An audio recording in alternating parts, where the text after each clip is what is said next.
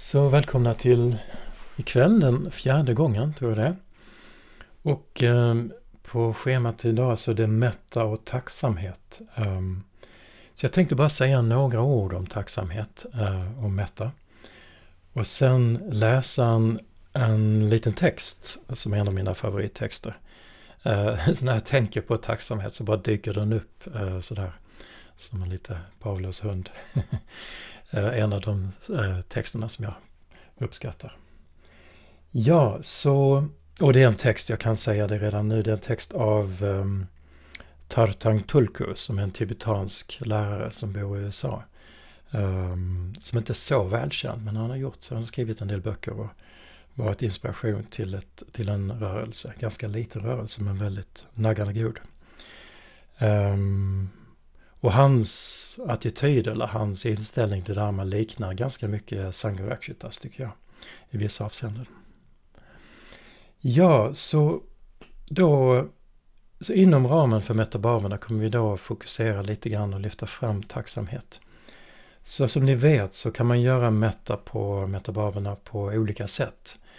Och eh, eh det finns fyra meditationer som kallas de fyra Brahmaviharas. Eh, de upphöjda tillstånden. Eh, vihara betyder vistelseort eller plats. Och Brahma det är liksom upphöjda eller himmelska platser. Och eh, de har som sin grund, metta är den grundläggande. Så kärleksfull vänlighet. Sen den andra Brahmaviharen det är medkänsla, karuna.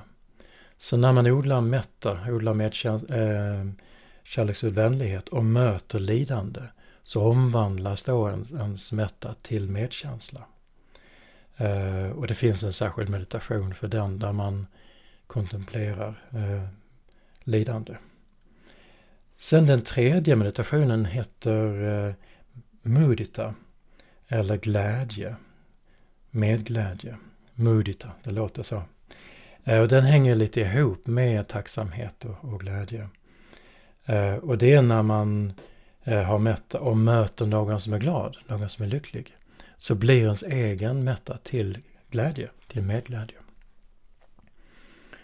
Och sen den fjärde heter jämnmod eller upphäcka. Sinnesjämvikt.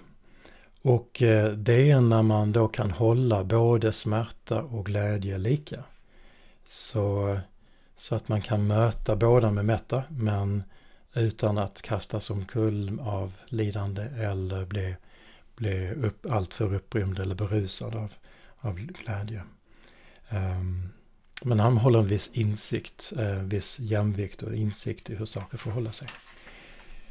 Så, så man kan säga då att, att tacksamhet hänger ihop med den här tredje, den här glädje. Att tänka över det glädje, eh, det glädjerika.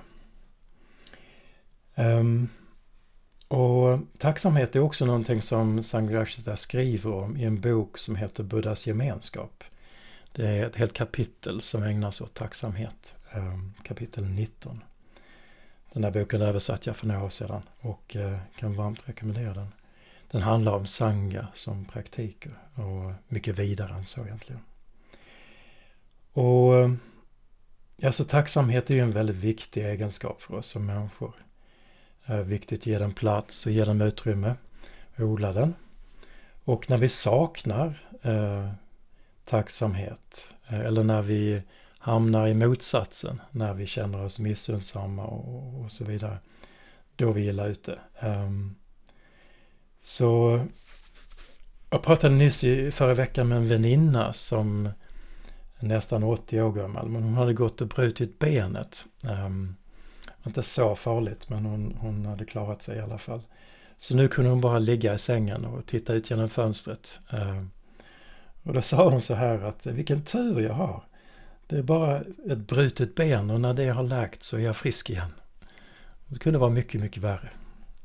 Och så sa han, det var så fin dag idag, idag och jag kan ligga här och titta ut på molnen. Så hon exemplifierar den där liksom, tacksamheten för mig. Eh, så Buddha var också tacksam, eh, något som då Sangharshta lyfter fram i det här kapitlet.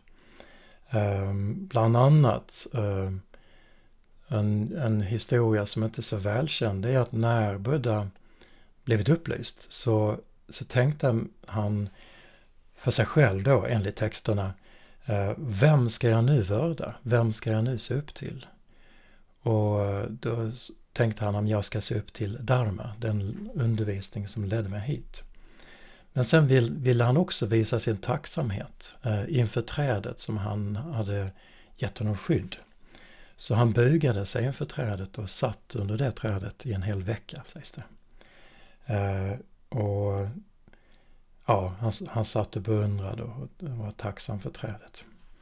Så det är också en, en egenskap som, som den upplysta människan har, tacksamhet.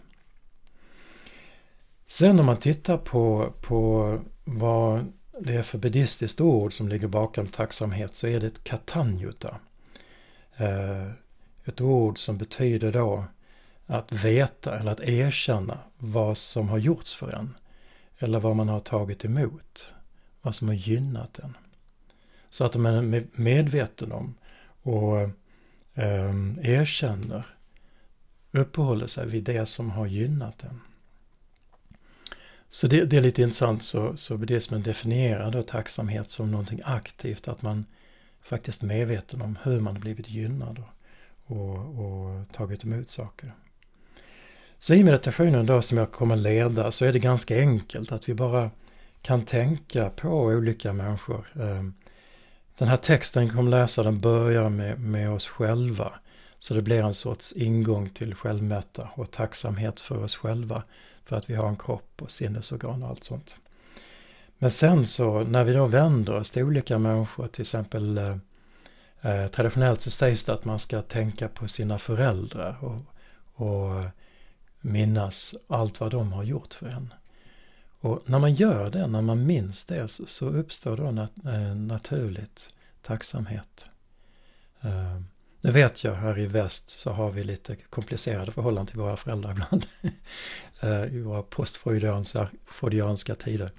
Men eh, om man bara helt enkelt praktiskt tänker på allt som ens föräldrar gjorde.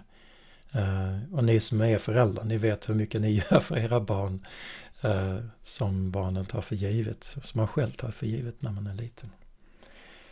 Men så kan man då fortsätta i meditationen, man kan bara tänka på sin vän, och allt vad de betyder för en och vad de har gett en. Så behöver man inte göra så mycket, man kan bara sitta med den, den vetskapen eh, och se vad som händer, den medvetenheten. Och likadant så, så kan vi då tänka på andra, en neutral person till exempel. Alla de som, som eh, sköter om och ser till att samhället fungerar. Eh, sopgubbarna, eh, ja, biträden och alla sorters människor som, som får hjulen att rulla som gör att vi kan leva. Eh, att vi har elektricitet, att vi har datorer och allting. Så vi kan tänka då på den här eh, neutrala personen som någon som bara sköter om oss sådär. Och sen även så har vi den, naturligtvis den, den svåra personen i metabamerna. Så även den svåra personen gör att vi kan ta, utveckla tålamod. Um, och uh, ja, möta våra begränsningar. Och sen alla människor så kan vi bara tänka ut att alla människor gör något för den här världen. Um, så, så bara kan vi bara sitta med den kontemplationen. Så jag kommer lätt guida, eh, kanske lite mindre än vanligt, eh, guida in i meditationen och sedan då släppa in lite, lite reflektioner eh, som ni kan ha då. Eh, men som sagt, man behöver inte göra så mycket. Utan mer bara jag blir medveten om ens vän eller en person. Och sen bara påminna sig och veta att de, vad, vad man har fått eller vad som har getts en från dem. Och bara kontemplera det, vara med det.